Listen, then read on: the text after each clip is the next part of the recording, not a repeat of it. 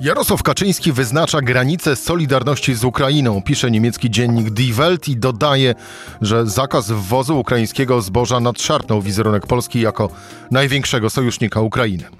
Jak Europa zareagowała na decyzję Prawa i Sprawiedliwości? O tym właśnie w rozmowie z Jędrzejem Bieleckim. Rzecz w tym, że taki był dzień. Cezary Szymanek, zapraszam na codzienny podcast Rzeczpospolitej. 18 dzień kwietnia, wtorek, Jędrzej Bielecki, dział zagraniczny Rzeczpospolita. Jędrzej, dzień dobry. Dzień dobry.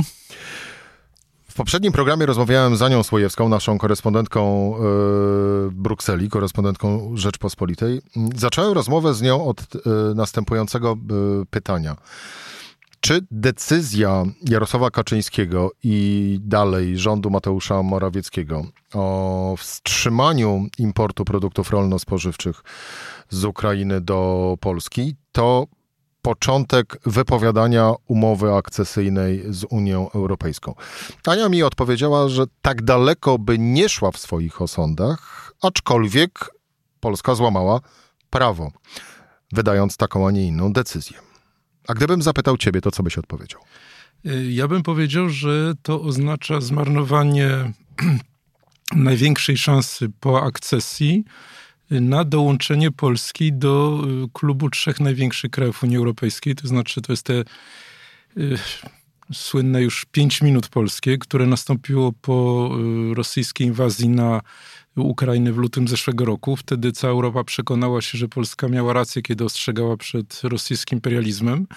Y, miała rację, kiedy dosyć stanowczo zaczęła inwestować w obronę po aneksji Krymu w 2014 roku. Y, Polska, która nagle okazała się y, jednym z ważniejszych sojuszników Stanów Zjednoczonych, a wcześniej była bojkotowana przez prezydenta Bidena ze względu na wątpliwości w sprawie rządów prawa. Y, to był moment, kiedy można było y, na zasadzie politycznej rozwiązać spór o y, praworządność, uruchomić, uwolnić środki finansowe z planu odbudowy, z normalnego budżetu. No i to moim zdaniem w tej chwili wszystko się kończy, dlatego że to oczywiście nie chodzi tylko o artykuł z Divelta, bo to są, to jest ocena... No, to był mój tak, jedyny tak, cytat przywołany na samym początku. Tak, tak, ale po prostu chodzi o to, że to jest coś, co, co się powtarza w, dzisiaj w całej prasie europejskiej.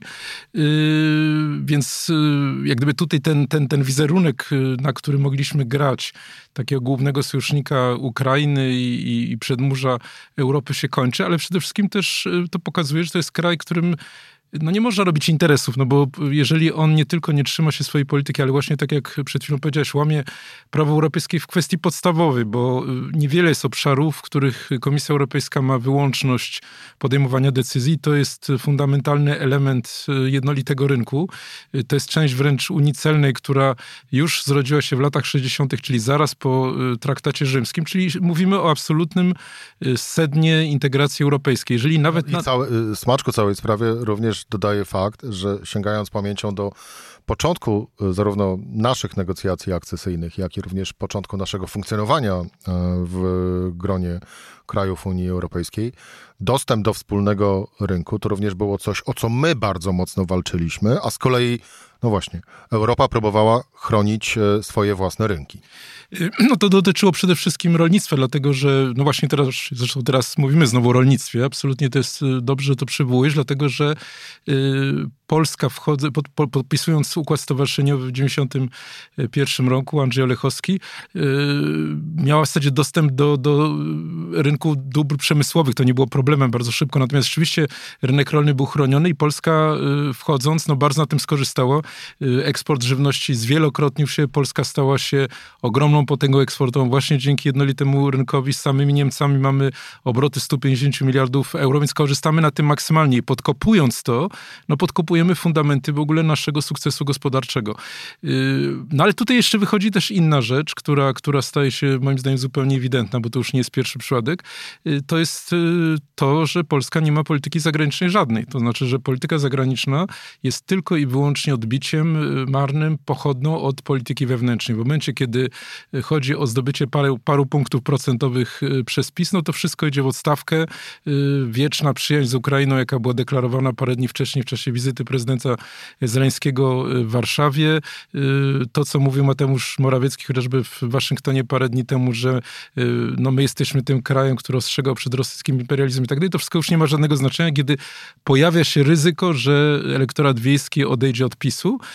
No i to jest oczywiście ta sama logika, którą, którą z pewnością pamiętasz 16 marca, kiedy ambasador Stanów Zjednoczonych Mark Brzeziński został wezwany do MSZ-u, dlatego że w, jako, jako wyraz protestu przeciwko temu, że rzekomo y, amerykańska stacja TVN y, szkaluje Jana Pawła II. No o co tu chodziło wtedy? No chodziło o mobilizację oczywiście elektoratu takiego twardego pisowskiego, żeby powiedzieć, że w cudzysłowie naszego papieża atakują. No i wtedy znowu najważniejszy, czy niemalże już chyba jedyny w tej chwili sojusznik polski, kluczowy wobec wojny za, za wschodnią granicą, to nie ma żadnego znaczenia, że nadwyrężamy z nim stosunki, jeżeli się pojawia y, iluzja bądź nie zapunktowania znowu w sondażach.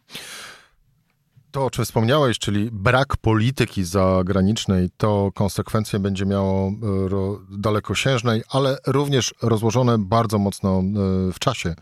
Skupmy się na teraz na, mm, na problemach, no właśnie, na problemach tu i teraz. Jarosław Kaczyński stawia granice solidarności z Ukrainą, pisze Die Welt. Odwołam się raz jeszcze do tego cytatu niemiecki dziennik ma rację?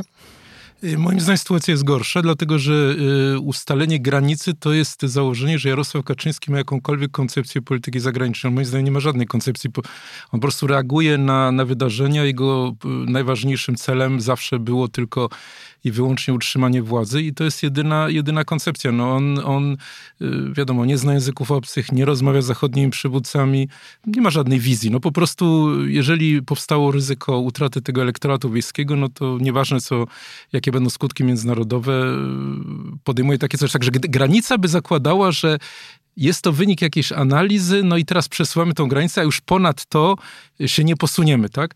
No ale jestem przekonany, że gdybym tobie zadał to pytanie, czy według ciebie, jeżeli pojawiłoby się ryzyko, nie wiem, odejścia elektoratu starszego na przykład, y, o ile nie zostanie podjęte bardziej dalej, dalej idące uderzenie w Ukrainę, to co uważasz, że, że, że to nie zostało powtórzone? Ja nie uważam tak. No, trudno mi się wypowiadać za obóz y, rządzący. Y, zostawmy decyzję obozowi rządzącemu. A może i teraz wcielę się w rolę adwokata diabła, a może w tym szaleństwie Jędrzej jednak jest metoda, czyli postawienie, tak jak to zrobił rząd Mateusza Morawieckiego, sprawy na ostrzu noża, po to, aby coś osiągnąć. Jesteśmy w stanie, a właściwie czy yy, rząd PiSu jest w stanie yy, tą decyzją coś osiągnąć, czyli, mówiąc wprost, pieniądze z Unii Europejskiej. Znaczy tutaj jak gdyby y, przechodzisz do porządku dziennego y, oczywiście świadomie nad tym, kto tutaj zawinił.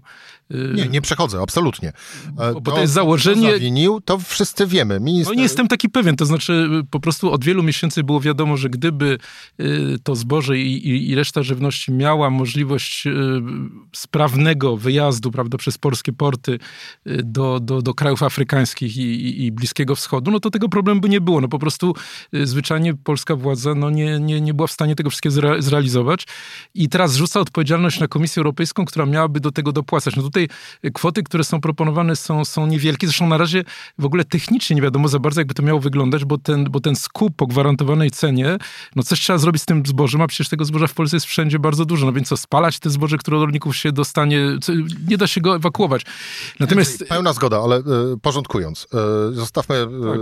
zboże, kwestie dopłat na, na boku, skupmy się na tych międzynarodowych e, relacjach e, i konsekwencjach e, takiej, a nie innej decyzji rządu Prawa i Sprawiedliwości. I również, niech jasno to wybrzmi, od samego początku mówiliśmy nieraz, czy to mówiliśmy, czy pisaliśmy na łamach Rzeczpospolitej, że tak naprawdę w tej całej sytuacji przede wszystkim winien jest rząd, który nic nie zrobił, po prostu. Nic przez ostatnie miesiące nie zrobił. I teraz tak naprawdę wszyscy ponosimy konsekwencje owych zaniedbań, yy, zaniechań czy czegokolwiek jeszcze innego, jakichkolwiek innych słów by można było jeszcze tutaj, tutaj użyć. Yy, ale wrócę do mojego, do mojego pytania yy, w roli adwokata diabła, to zaznaczam od razu, bo może jest metoda w tym szaleństwie. Znaczy metody tutaj y, żadnej nie ma, bo, bo są może, dwie, bo, bo jak gdyby twoje pytanie rząd, należy podzielić. Nie, bo może rząd coś tym osiągnie. A pytam również o to dlatego, że wczorajsza reakcja Komisji Europejskiej ona już nie była taka na zasadzie musicie Warszawo, jak tego nie zrobisz, to wtedy grozi ci to, to, to i to. Tylko te komentarze urzędników w Brukseli były raczej takie czekamy na wyjaśnienia, rozmawiamy, zobaczymy, co z tym można zrobić. Znaczy, to jest oczywiście, jesteśmy w układzie, w którym jest wojna. Polska jest w miejscu, w którym jest, jest niezbędnym komponentem całej machiny kierowanej przez Stany Zjednoczone pomocy dla Ukrainy. I jest oczywiste, że w takiej chwili, to, to, jest ważna to są ważne decyzje polityczne, to nie dzieje się tylko na poziomie urzędników Brukseli, to nie oni decydują. Tutaj jest oczywiście koordynacja ze Stanami Zjednoczonymi. Stany Zjednoczone mówią, okej, okay, musieliśmy przez jakiś czas przełknąć to, że w Polsce są problemy z praworządnością, że Polska stawiała na Trumpa, że stawiała wątpliwość amerykańską demokrację, wszystko to pamiętamy, musimy to wszystko przełknąć. Biden dwa razy przyjedzie do tego rządu, który nie, który nie chciał nic mieć wspólnego, no bo po prostu jest ta sytuacja wojenna i po prostu... Po... I tym bardziej tutaj, no to jest mniejsza rzecz do przełknięcia. Jest sygnał oczywiście od, od, od Ameryki, ale też od głównych krajów, yy, tak jak Francja, tak jak Niemcy. Mamy na pieńku z tym rządem, no ale on jest zbyt ważny, Polska jest zbyt ważna, nie możemy ryzykować tego, że będzie otwarty konflikt z Ukrainą. To jest zbyt ważny moment, skoro no, oni nie są w stanie tego zrozumieć, no to my przynajmniej musimy zachować się odpowiedzialnie. No i oczywiście może być sytuacja, że zamiast tych 50 paru milionów dostaniesz na przykład 100 milionów tego takiego, takiego y, wsparcia. Jaki jest koszt polityczny? Bo tutaj mówisz jak gdyby o, o załatwianiu. Dobrze, to jest jak gdyby jedna rzecz, nie będzie otwartej wojny handlowej, zresztą nie bardzo nawet wiadomo, jakby to miało wyglądać, no bo co, mieliby wtedy postawić jakieś jakąś jakoś kontrole graniczne na Odrze, no to technicznie też jest bardzo, bardzo trudne zrobienia. Natomiast jest pytanie o gigantyczny koszt polityczny, który znowu przekłada się na konkretne decyzje, bo co się nagle okazało? No nagle okazało się, że Polska gra razem z Węgrami, krajem, który jest uważany za tym najbardziej radykalnie, nie tylko dlatego, że jest prorosyjski, ale najdalej poszedł w podważeniu demokracji. Przypomnę, że Freedom House, amerykańska fundacja, uważa, że to jest jedyny kraj, który już nie jest krajem demokratycznym. Teraz w Unii Europejskiej. Teraz jeżeli my gramy razem z tym krajem... No ale gramy też razem ze Słowacją, bo Słowacja też w podobny sposób e, podchodzi do e, ukraińskiego zboża. Mówi się również o Bułgarii, więc zostałaby tylko Rumunia.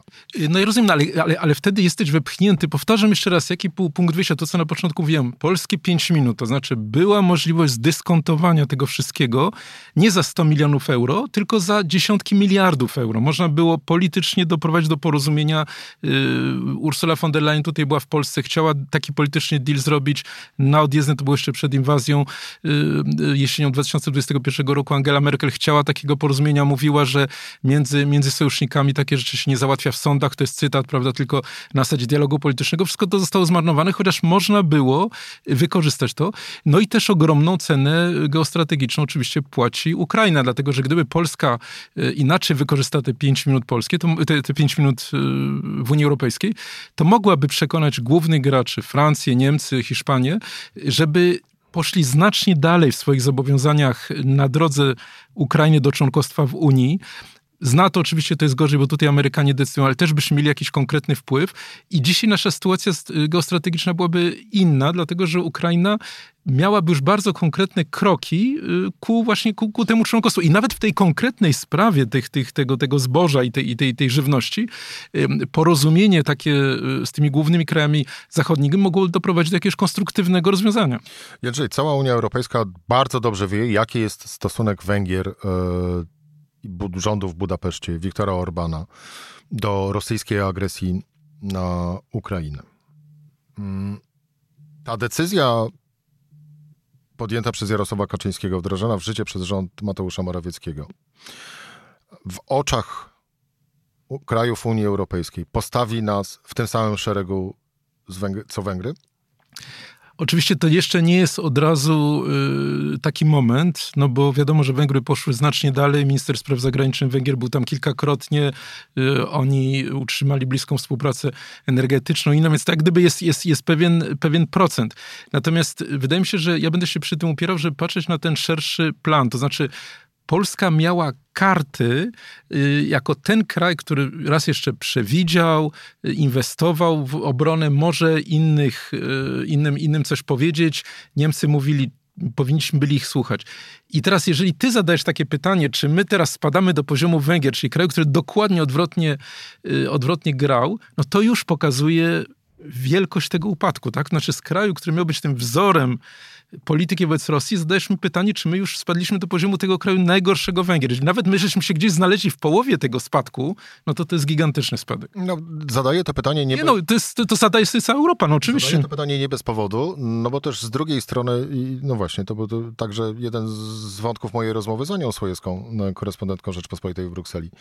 Mm, jak teraz, po tej decyzji, Warszawa, która mm, często publicznie również, yy, mówiąc bardzo kolokwialnie, łajała zachodnie kraje za to, że nie chcą pomagać Ukrainie, że nie chcą ponosić tych kosztów, sama siebie stawiając jako przykład tego kraju, który nie zważa na koszty i niesie pomoc Ukrainie, no to jak teraz Warszawa, chcąc dalej właśnie to robić, dalej ustawiać do pionu Zachód, będzie wiarygodna w tym, co może zrobić.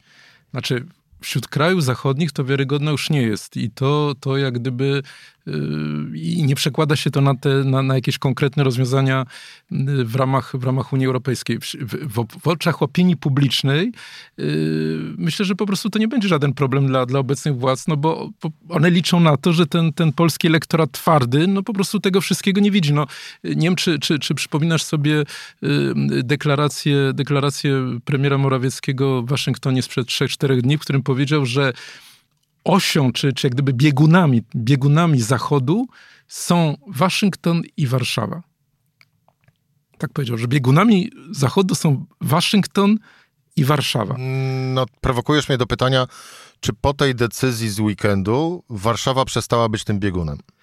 Znaczy nawet chyba bardziej, to znaczy jeżeli powiesz coś takiego i uważasz, że nie jesteś komiczny, to znaczy, że, że nie uważasz, że to jest jakaś farsa, że z jednej strony mocarstwo, z drugiej strony kraj no, wielkości jakiej jest, to są dwa bieguny, i, i, i co, nie wiesz, że istnieje Londyn, Paryż, Berlin, że w ogóle, no, nie wiem, no to, to, to, liczysz na to, że ludzie to kupują? No widocznie to jest skuteczne, to znaczy widocznie jest jakaś część ludzi, część elektoratu, która rzeczywiście w tym, zresztą to trzeba przyznać, że to jest szaleństwo przecież populistyczne, które masz w tej chwili na całym świecie. Yy, we Francji przecież, prawda, w zeszłym roku Marine Le Pen 40 parę procent w drugiej turze wyborów, Meloni w we Włoszech, szaleństwo Brexitu. Za chwilę, pod koniec roku, coraz więcej na to wskazuje w sondażach, że będzie koalicja w Hiszpanii postfrankistowskiego Voxu z partią ludową. No to, to szaleństwo populistyczno-nacjonalistyczne jest na całym zachodzie, więc jest po prostu masę ludzi, y, którzy uważają, że to nie jest komiczne, tylko że po prostu, no tak, no widocznie, skoro on tak mówi, no to my tacy jesteśmy, że jesteśmy razem z tym Waszyngtonem. No i jeżeli coś takiego ludzie kupują, no to dlaczego mają nie kupić właśnie tego, że, że nadal my tą Ukrainę kochamy i wszystko jest wspaniale, no bo nie ma żadnego krytycyzmu, tak? Są emocje tylko. Kijów nam tego nie zapomni, prawda? Y, no i tak główne decyzje, to przecież y, tacy bardziej, powiedzmy, osoby, które bardziej w to wszystko głębiej wchodziły, na przykład dotyczące chociażby planów ofensywy w zeszłym roku y, w tym w obodzie charkowskim i hersońskim na przykład, były konsultowane tylko i wyłącznie ze Stanami Zjednoczonymi, z Wielką Brytanią. W związku z tym były takie momenty, kiedy było jasno widać, kto jest częścią tej pierwszej ligi, a kto nie jest. Polski tutaj nie było. No ale w tej chwili, no to, no to, no to oczywiście, zresztą nawet, nawet ja nie wiem, czy, czy może, może może to tak y, nadinterpretacja, ale nawet nie wiem, czy, czy wizyta prezydenta Zeleńskiego nie została przyspieszona, czy w tym momencie się odbyła, bo wiadomo było, że nadchodzi ta burza. W tej chwili pewnie raczej do niej nie doszło. No, ja to akurat raczej bym stawiał, że nie było wiadomo, że nadchodzi ta burza, biorąc pod uwagę to, że wiele wskazuje na to, że zarówno prezydent Andrzej y, Duda dowiedział się dopiero z mediów, a kto wie, czy Również premier Mateusz Morawiecki nie dowiedział się z mediów właśnie o takiej, a nie innej e, decyzji, jaką ma podjąć jego rząd, e, decyzji dotyczącej zamknięcia granicy e, z Ukrainą. Jędrzej Bielecki, dział zagraniczny Rzeczpospolitej, dziękuję Ci bardzo za rozmowę. Dziękuję bardzo. Cezary Szymanek, do usłyszenia.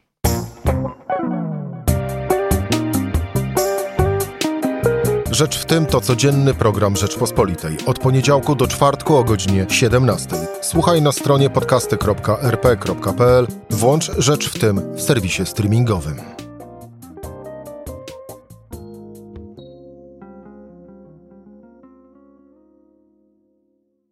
Poznaj mocne strony Rzeczpospolitej. Wejdź na prenumerata rp.pl. Polecam. Bogusław Rabota, redaktor naczelny.